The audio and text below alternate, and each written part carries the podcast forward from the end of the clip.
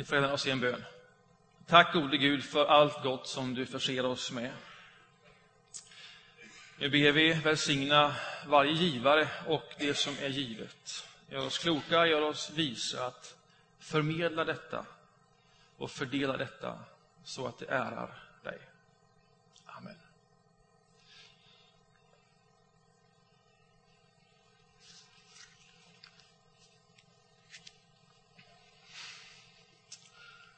Jag ska börja med en bekännelse. Ehm, varje gång som jag har sett curling på tv, som förmodligen har varit vid någon form av mästerskap eller sådär, så har jag intuitivt stängt av eller bläddrat förbi. Och jag lägger fram här min oförställda fördom över curling framför er som en personlig bekännelse. Och så här vill jag säga, jag hade inte för mitt liv kunnat föreställa mig att denna sporten, lyssna nu, jag kallar det för sport numer, skulle kunna göra mig helt genomsmätt, framkalla adrenalin, ge träningsverk, spräcka hela grenen i mina byxor och avkräva total precision och taktik som vid ett parti schack. Vilken sport! Curling, det är grejen. Vad har hänt, kan man ju fundera. Jag satt och googlade igår kväll. Finns det någon curlinghall, någon curlingklubb i Göteborg? Denna underskattade sport. Ja, det som har hänt är att jag mötte en mycket passionerad instruktör som vecklade ut teorin, hur spelet funkar. Det som man inte förstår om man bara ser det liksom, i någon tv-skärm. För mig obegripligt, långsamt. Men han beskrev, och han kunde sätta ord på de olika momenten, på taktiken, på tänket. Hela den grejen. Och sen när han hade gjort det, då tog jag på mig en glidsula, fick en kvast i handen och sen gav jag mig ut på Falu curlinghall i Dalarna. Och det var ju bara, det var ju bara årets happening. När jag läser en text som vi ska göra nu, så får jag först mina gamla curlingvibbar. Vi ska läsa den här. Det är en lång text. Ska vi stå upp först? Så får vi lite rörelse i kroppen.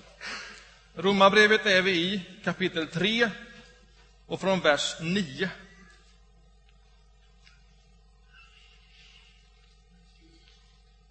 Hur är det då? Har vi något försteg? Inte utan vidare. Jag har förut anklagat både judar och greker för att stå under syndens välde. Det står ju skrivet, ingen finns som är rättfärdig, ingen enda. Ingen som förstår, ingen som söker Gud. Alla har vikit av, alla är fördärvade, ingen finns som gör det goda, ingen enda. En öppen grav är deras strupe, sin tunga brukar de till svek. Huggormsgift har de bakom sina läppar, deras mun är full av bitter förbannelse. På snabba fötter ilar de för att gjuta blod och förödelse och elände kantar deras väg. Och fridens väg känner de inte. Hos dem finns ingen fruktan för Gud. Vi vet att lagens ord riktas till dem som äger lagen, för att varje mun ska tystas och hela världen underkastas Guds dom. Ty genom laggärningar blir ingen människa rättfärdig inför honom. Lagen kan bara ge insikt om synd. Men nu har Gud uppenbarat en rättfärdighet som inte beror av lagen, men som lagen och profeterna har vittnat om. En rättfärdighet från Gud genom tron på Jesus Kristus för alla dem som tror. Här görs ingen åtskillnad. Alla har syndat och gått miste om härligheten från Gud, och utan att ha förtjänat det blir de rättfärdiga av hans nåd, eftersom han har friköpt dem genom Kristus Jesus. Gud har låtit hans blod bli ett försoningsoffer för dem som tror. Så ville han visa sin rättfärdighet, eftersom han förut hade lämnat synderna ostraffade under uppskovets tid. I vår egen tid ville han visa sin rättfärdighet. Att han är rättfärdig och gör den rättfärdig som tror på Jesus. Vad blir då kvar av vår stolthet? Ingenting. Vilket lag säger det? Gärningarnas? Nej, trons lag. Ty vi menar att människan blir rättfärdig på grund av tro, oberoende av laggärningar. Eller är Gud bara judarnas Gud och inte hedningarnas? Jo, också hedningarnas. Så visst som Gud är en, han som ska göra de omskurna rättfärdiga av tro och de oomskurna rättfärdiga genom tro. Upphäver vi då, upphäver vi då lagen genom tro? Inte alls. Vi befäster den. Amen. Varsågod och sitt. Alltså, när jag läser den här texten som den här, så får jag först vid en snabb genomläsning ungefär samma känsla som i en curlingmatch. Jag förstår inte riktigt vad det är som händer här. Det är så mycket som pågår. Det är så mycket viktigt. Och jag fattar liksom inte hur allting hänger ihop på en gång. Då kan man antingen bara läsa vidare, bläddra vidare och tänka, jag förstår sen. Eller så kan man rutinmässigt lyssna till alla de ord som räknas upp här. Som synd och rättfärdighet och friköp och försoningsoffer. Alltså den typen av ord som om man är uppvuxen i en kyrka, man har blivit matad med genom förmodligen många, många år. Utan att ibland kanske riktigt veta vad ryms de här begreppen. Det är ord som vi slänger oss med, som är viktiga och som är centrala ord. Jag vill bara uppmuntra dig, bläddra inte vidare, sluta inte lyssna, för att alla dessa komplicerade ord radas upp i en kompakt text som den här. Därför att det Paulus rör vid här, det är det innersta i det som han kallar för evangelium, de goda nyheterna.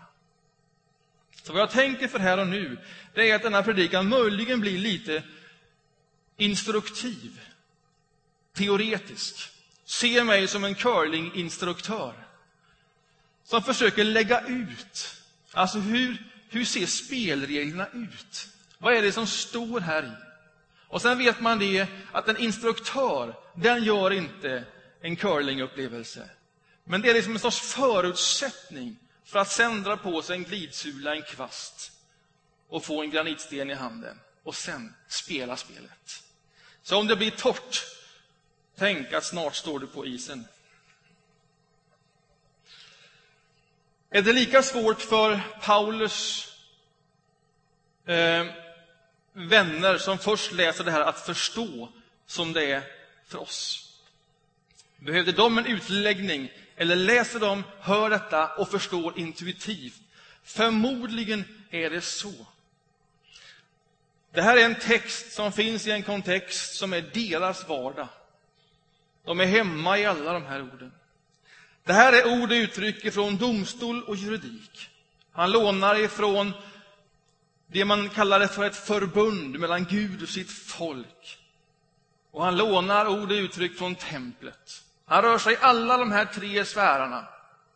Och sen tar han alla ord och så bakar han ihop det för att förklara det största och viktigaste av alla mysterium ever. Inte många av oss är hemma i domstolen, i förbundet och i templet.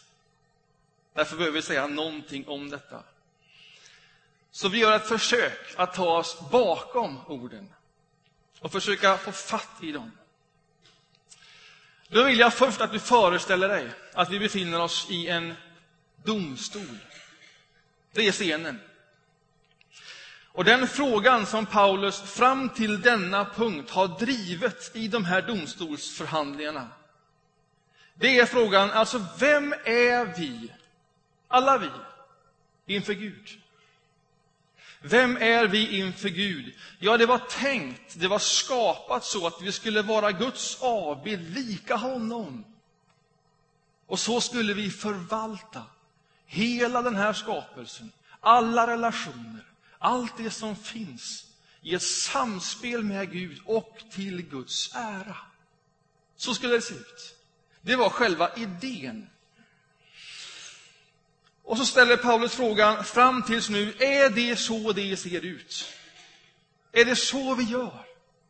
Är det så allting har blivit till Guds ära?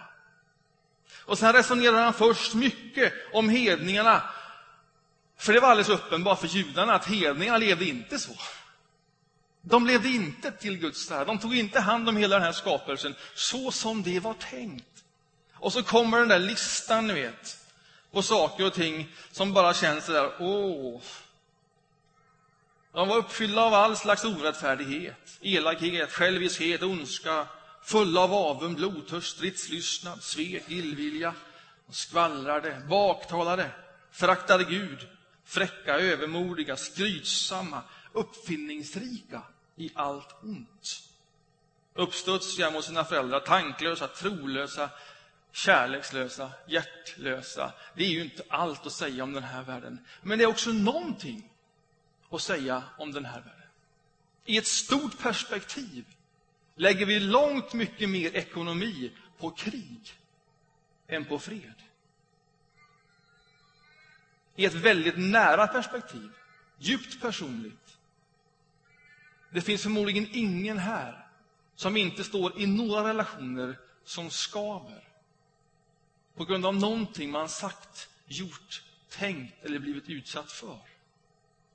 Alltså, allting är inte så gott som det var tänkt. Detta har Paulus försökt resonera sig fram och lägga förbi utifrån frågan, vilka är vi inför Gud? Och så kommer han då till sitt eget folk, judarna. Ehm. Och så ställer han frågan angående dem. Hur är det med dem, Guds utvalda folk? Har de någon fördel, något försteg? Eller hur ska vi tänka omkring dem? För så tänkte man ju om sig själv. Och så säger han också tidigare, ja men ni har fått vägledning i lagen, ni har fått den, ni är stolta över Gud, ni undervisar andra som det var tänkt, men inte er själva. Mm. Ni är inte alls det exempel för hela världen som det var tänkt, som låg i er uppgift, i ert förbund. Så är vi framme vid slutpläderingen i denna domstolen. Är ni med? Och då har Paulus resonerat i de här ämnena ända fram tills han till sist säger så, hur är det nu då? Och så ska han liksom summera allting. Har vi något försteg? Och så läser han ur deras egen lag, riktat till dem som lever under lagen. Ingen finns som är rättfärdig, ingen enda. Och så skriver han, det här skrevs av lagen. Det här finns där för de som lever med den här som vägledning. För att varje mun ska tystas och underkastas Guds dom. Alltså nu är vi i en domstol. Och när den som försöker försvara sig själv i en domstol i den kontexten inte hade någonting mer att säga till sitt försvar, då höll man handen för munnen som ett tecken på att nej, nu tog det slut. Och om inte det skedde, men det var uppenbart, då gick någon annan tjänsteman fram till den som försökte försvara sig och höll man, eh, munnen för, handen för den munnen, eller ibland mer våldsamt, drog till som ett tydligt tecken. Nu har du ingenting mer att säga. Det är liksom uppenbart för alla att ditt case inte håller. Lyft ögonen. Nej, det finns ingen försteg. Det finns ingen fördel. Det finns inget försprång. Inte för någon. Inte ens för Guds utvalda folk, Israel. Inför Gud är alla lika. Inför Gud sitter vi alla i samma båt. Så säger juristen Paulus. Och hur i hela världen kunde det gå så illa? Alltså, hur kan det vara så? Och så säger han, ja men vi står alla, inte bara de eller de, vi står alla. Och så kommer det här uttrycket.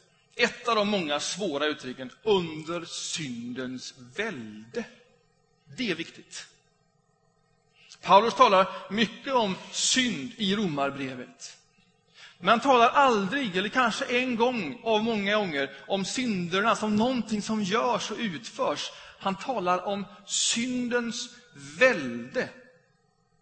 Som om det vore en kraft, en influens. Nästan personligt. Han skulle kunna säga någonting som fanns i hans språkbruk som Satan eller djävulen, det ondska personifierat. Han gör det inte. Han talar om synden som kraften, som influensen, som påverkar, som gör i all sin influerande och påverkan att vi missar målet. Vi inte lever, verkar och förvaltar allt, relationer och skapelsen till Guds ära. Och det är samma för alla, säger han. Det finns en kraft som man inte bara frigör sig ifrån. Hela historien visar det, utvald eller inte. Diffust, men tydligt verksamt. Den förstör allt. Den förstör allt i det stora perspektivet och i det mellanmänskliga, djupt personliga. Den förstör allt. Det är en kraft som ingen kan värja sig mot. Den letar sig in där den inte ska.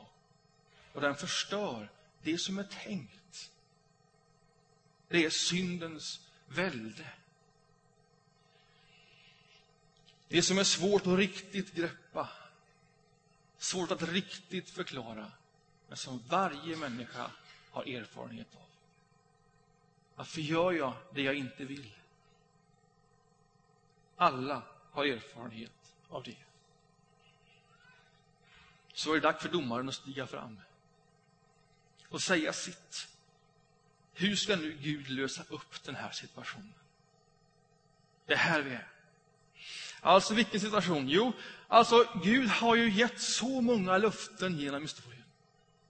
Han skapade allting. Det gick åt skogen åtminstone sådär och så rullade det ut för och så tar han tag i det igen och så kallar han till sig Abraham. Som man gör rättfärdig genom tro och så säger han Abraham, bryt nu upp, gå en annan väg. Och många människor ska bli välsignade genom dig. Nu tar vi tag i det igen. Det finns ett nytt förbund. Jag är din Gud, du är min. Och så börjar vi bygga och så fallerar också det perspektivet. Och sen går det ett tag igen och sen tecknar Gud ett nytt förbund. Då med Moses som ledaren. Och så säger han, okej, okay, nu tar vi ett tag i detta en gång till. Ni blir mitt folk. Och jag blir er Gud. Och mer än så, ni ska bli det stora exemplet för alla omgivande folk. Ni ska förkroppsliga att jag inte har lämnat allting, utan det finns en plan för hur allting ska räddas. Till sist. Detta uppdraget. Det är vårt förbund. Så hur ska Gud liksom lösa upp detta? Vara trogen mot det han har lovat. När de inte blev det stora exemplet för alla andra folk. Ja, känslan för de som sitter där och då, som först läser det här, det är, det går inte. Det är kört. Vi står där inför Gud, alla, hedningar och judar. Och alla är liksom skyldiga. Det finns ingen utväg ur detta. Det är då vändpunkten kommer i domstolen. Den kommer liksom en Hollywoodfilm. Ni vet, alltså en typisk Hollywoodfilm eh, har ju alltid någon form av vändpunkt. Är det någon sån här romantisk komedi så, va? Så, så slutar det alltid någonstans två tredjedelar med in, eller fyra femtedelar in i filmen, att det står ett par vid altaret och de ska nu gifta sig. Men alla i sammanhanget vet att det egentligen inte är de.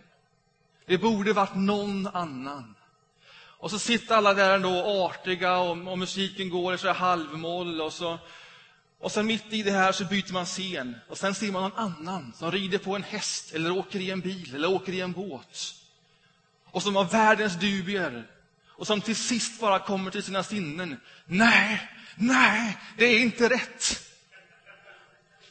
Och så får de tag på en ny bil, en ny båt, en ny häst.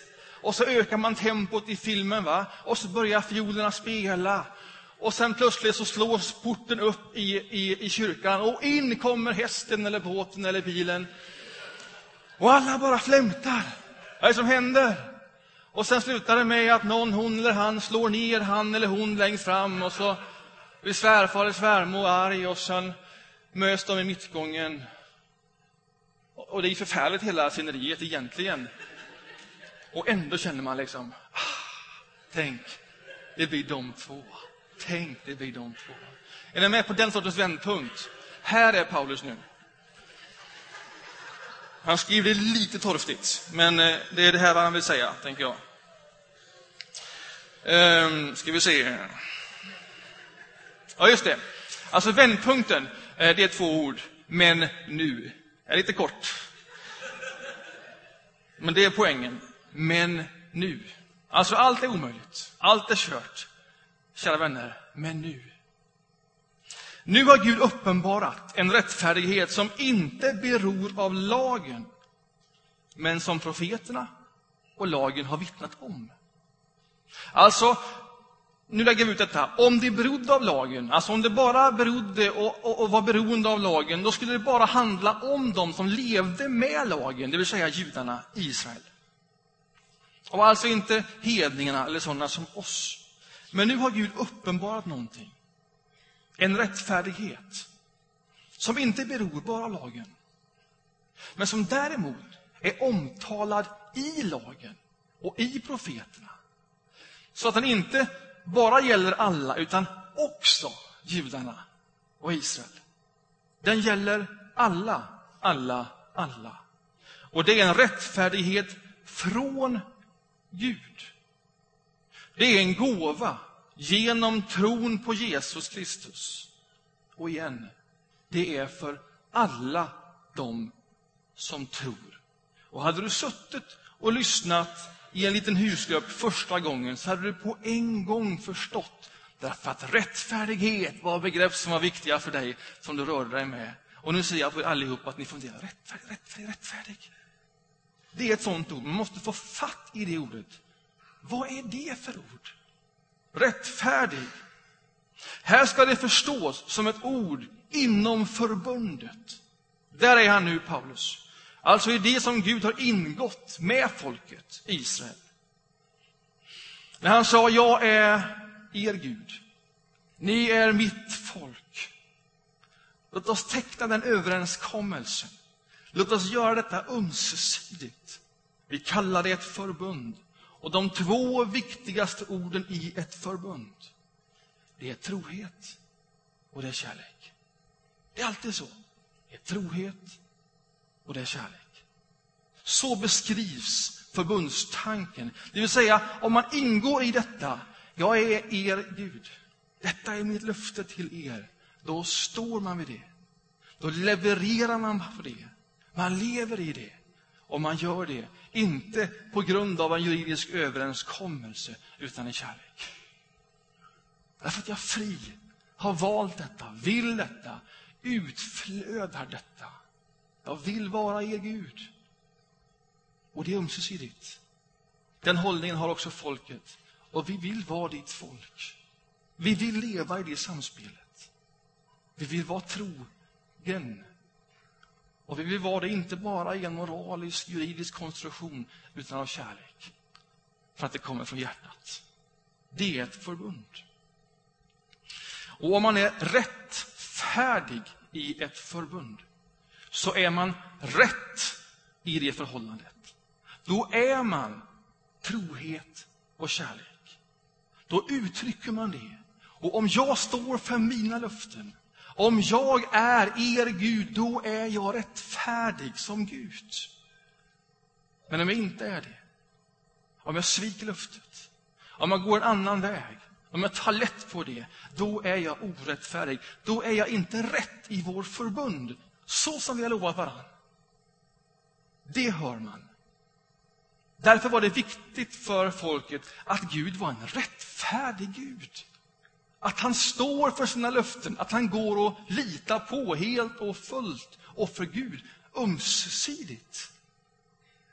Det var ju så de skulle bygga det stora exemplet för alla omgivande folk. Hur ska nu Gud ro i land detta? Hur ska Gud visa sig rättfärdig inför folket? Alltså, hur ska Gud stå fast vid sitt löfte, både till Abraham, för det finns ju där. Han som vars liv skulle välsigna många, många, många människor.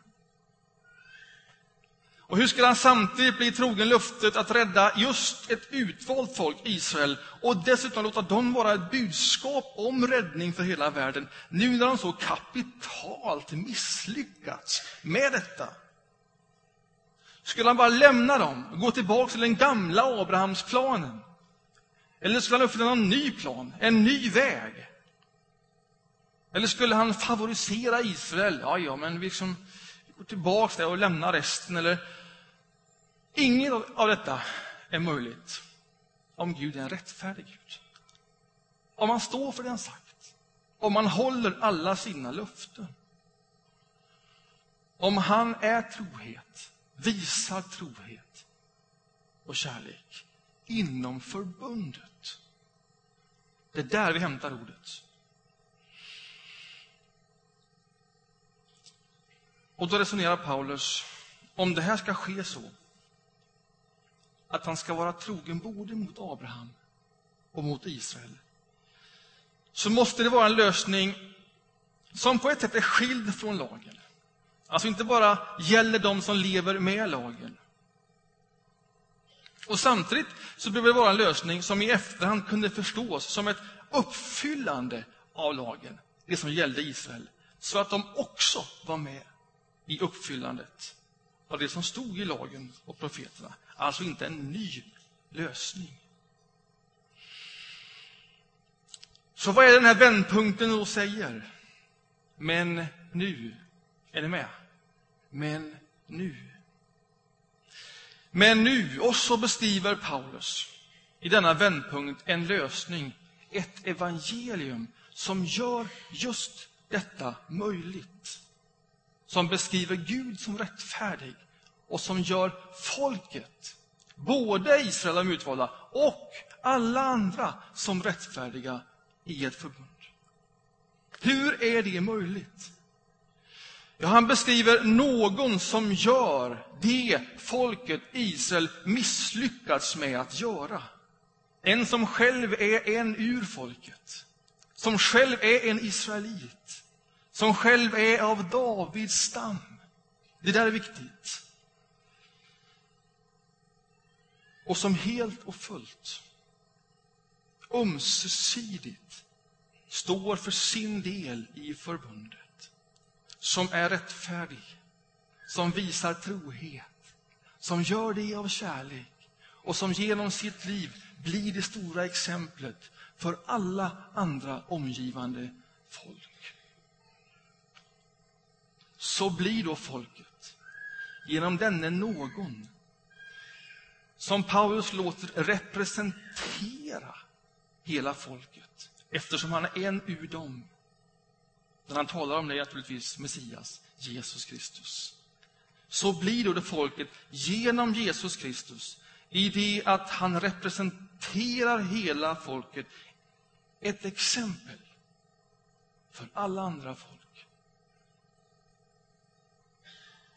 Ett budskap om att Gud inte har gett upp.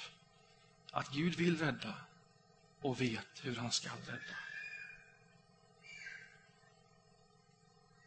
Denna identifikation mellan Jesus och folket, att han var av Davids släkt, att han blev det folket var och att folket blev det han var. Det resulterar i ett friköpande ett befriande. Nu dyker ett sånt där ord upp en gång till och nu börjar man bara bli snurrig i huvudet. Nu har vi gått igenom de här orden, synd och rättfärdig och, och så kommer ännu ett, friköpt, kan det inte räcka nu? Ska ni resa på er bara, där ni står, och bara få ny energi? Bara snurra lite på huvudet så. Ah. Ta ett djupt andetag. Sätt er igen.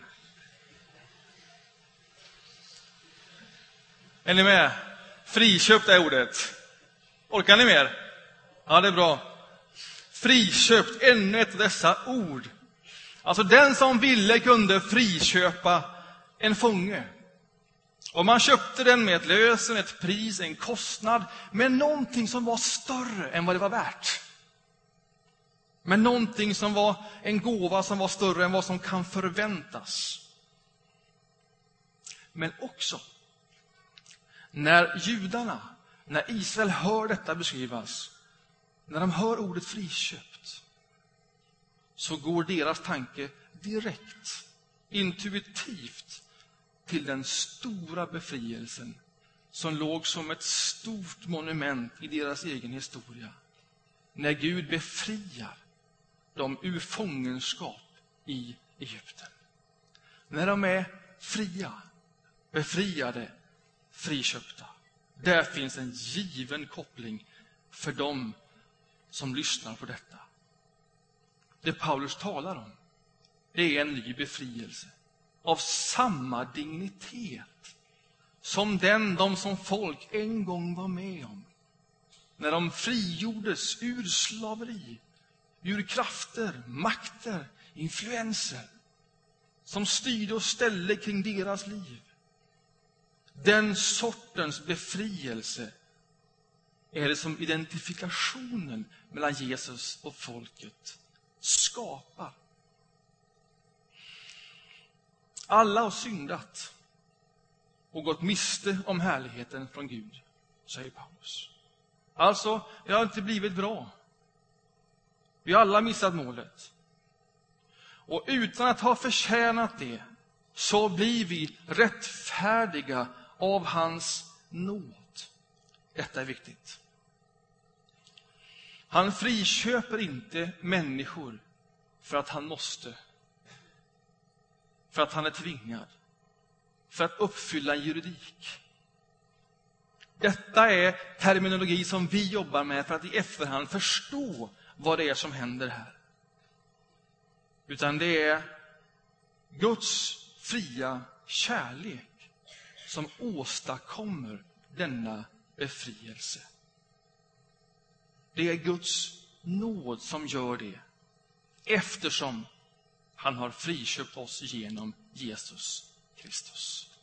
Det där är viktigt. Vad är det då för domslut som, domslut som Gud ger? Igen då, för att få klarhet i det. Det är inte bara ett överslätande av synden och tänka, ja, ja, shit happens. Det är inte ett förlåtande, det är ett förlåtande, men inte bara ett förlåtande. Utan det Gud ger, det befrielsen står för, det är att faktiskt igen få bli rättfärdig i ett förbund. Det betyder att genom Jesus Kristus, som representerar hela Israel, och genom dem hela världen, så kan den som tror på Jesus genom Guds oändliga kärlek och nåd igen få bli rättfärdig i relation till Gud genom tro. Det är det stora. Det är Guds domslut för den som tror på Jesus. Alltså, du räknas i den relationen med Gud som den som visar trohet och kärlek, vilket du vet att du inte gör fullt ut, men du räknas ändå som den som gör det. Hur är det möjligt? Jo, det är bara möjligt om du får det som gåva från den som är rättfärdig. Du får det. Det är Guds nåd som ger dig den gåvan att få vara rättfärdig så att relationen blir återställd igen. Det är detta friköpandet är. Men hur kan Gud göra det innan jag levt mitt liv klart och allting verkligen ska bedömas på riktigt, när allting ska, ska liksom bedömas, allt det dåda blir uppenbart. Hur kan Gud redan nu säga hur det blir? Den frågan dyker upp i det här sammanhanget. Och detta är så viktigt. Lyssna här. I den här texten, i Jesus Kristus, så blir Guds framtida dom slut nutid. Det är det radikalt annorlunda. Du vet redan nu hur Gud sen dömer. Och därför kan du redan nu i tro leva i ett ömsesidigt förbund av trohet och kärlek med Gud. Befriad från det som skiljer ditt liv från Gud. Du kan i tro leva nu så som det en gång fullt ut ska bli. Guds framtida domslut blir nutid i Jesus Kristus. Du blir rättfärdig. Har ni fattat det begreppet nu? Du blir rättfärdig i tro och genom tro. Inte reellt, så att du i alla delar av ditt liv är rättfärdig. Ingen skulle gå på det om dig. Ingen. Men du blir det i tro. Du blir det i tro. Du har fortfarande kvar din kamp, men med en helt ny utgångspunkt. Och det är det som är evangeliet. Människa, du är befriad genom tron på Jesus Kristus. Och därför, bli det du redan är. Är du med på det? Inte kämpa för att om möjligt, om möjligt, om möjligt, utan koppla av. Du är befriad. Du är medtagen i ett nytt uttåg, lika omvälvande och stort som när en gång Gud tog med hela folket ut från slaveriet. Du är fri genom Jesus Kristus, du är rättfärdig i tro. Guds framtida domslut genom Jesus Kristus blir nutida. Koppla av. Ta ett djupt andetag. Du är fri. Du står inför Gud och du vet att du inte är fri. Men du är fri som en gåva, som nåd. Det är din utgångspunkt. Bli det du redan är. Bli det du redan är. Alltså, hur kan Gud göra någonting sånt? Och nu byter Paulus kontext från domstol till tempel. Och sen kommer ett nytt av dessa märkliga ord. Det är genom Jesu kors som Gud friköpt alla, eftersom Gud låtit hans blod bli ett försoningsoffer. Det är ju ännu ett sånt där ord. Försoningsoffer. Det är väl ett av de svårare orden att förstå, tänker jag. Men friköpande, befrielse, tycks alltid ske genom ett offer. Och här är kopplingarna tydliga mellan offer, försoningsoffer och den stora försoningsdagen som skedde en gång per år. Detta anspelar Paulus på. En gång per år gick översteprästen in i det allra heligaste på ett speciellt sätt. Där fanns lådan, boxen, förgylld. På den en liten stol, nådastolen, som var liksom symbol för Guds absoluta närvaro. Och där, där kunde Gud få möta folket. Där fanns en förening, inte hur som helst. Men för att markera att det ändå var möjligt så tog översteprästen en gång om året två bockar. En bock la han händerna på. Och sen överförde han som representerade folket synderna på denna bock.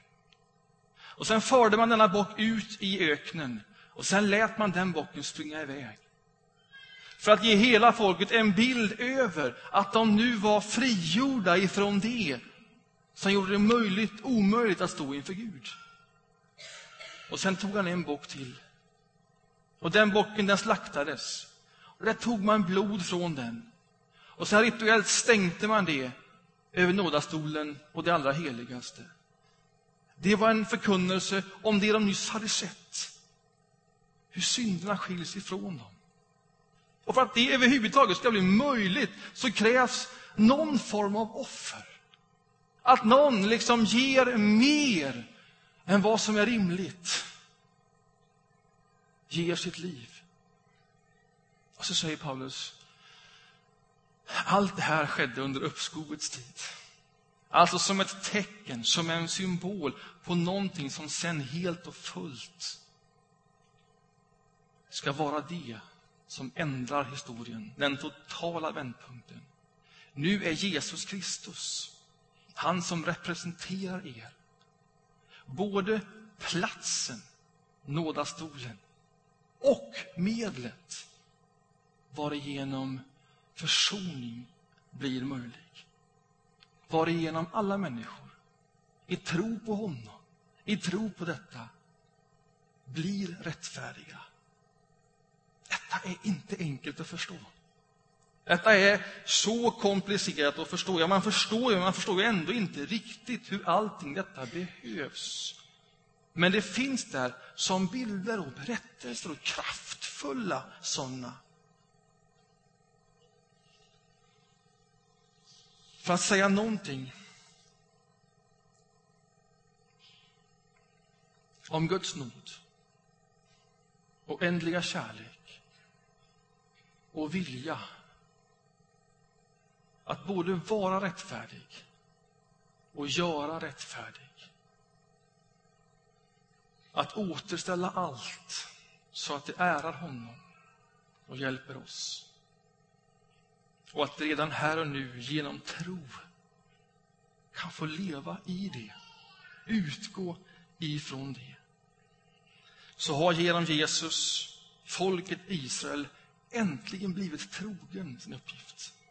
Det som låg i förbundet, genom att han är en av dem, representerar dem. Och så blir de genom honom hela världens exempel och möjlighet till befrielse. I vår egen tid ville han visa sin rättfärdighet. Att han är rättfärdig och gör den rättfärdig som tror på Jesus Kristus. Du behöver inte vänta på Guds domslut. Det har du redan hört. Du är fri. I tron på Jesus Kristus är du fri. Så bli det du redan är och det du en gång fullt ut ska få leva i. Vad blir det då av vår stolthet? Ingenting. Ingenting. Jag tackar Gud att jag inte är som andra människor. Jag som ger tionde, jag som fastar. Han tackar inte Gud. Han tackar sig själv i Jesu liknelse som vi hörde förut. Att han faktiskt lever som man bör. Och det är hans glädje, det är hans stolthet. Och för det tackar han Gud. Sen finns det en annan som inte vet hur han inte ska säga detta. Som inte ens vågar titta upp. Som vet mer om sitt liv. Och som säger Herre, förbarma dig. Och sen säger Jesus, den av de två går därifrån rättfärdig. Vad blir av vår stolthet? Ingenting.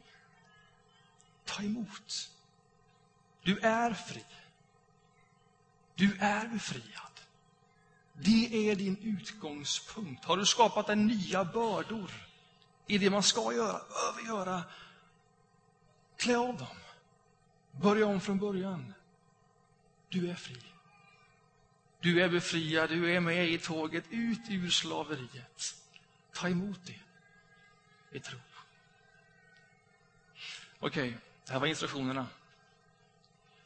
Nu ska du dra på dig glidsulan. Ta kvasten i handen. Fatta en, eh, en 19,6 kilo tung granitsten ut på isen. Det är lite halt där och lurigt. Men du måste ut, du måste ta emot. Du måste leva i detta. Ta emot bröd och vin. Bröd och vin är en koncentrerad förkunnelse om exakt detta. Jag ger mitt liv för dig, säger Jesus. Ta emot det. Ta emot den friheten.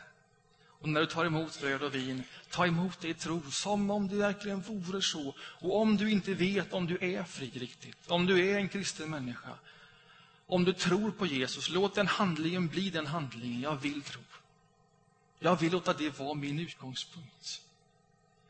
Och vill du göra det ännu tydligare så böj knäen här eller ställ dig någonstans där uppe och jag förebedjar och bara säg jag vill, alltså jag vill känna att jag är en fri människa. Jag vill tro på Jesus på det sättet. Och så säger du det och så kommer den människan be en kort bön ihop med dig. Jag har varit kristen länge men känner likväl, åh, jag måste återvinna min frihet. Böj knän, här eller för dig själv. Du gör det som passar dig. Nu lyssnar vi på en sång och sen delar vi nattvarden.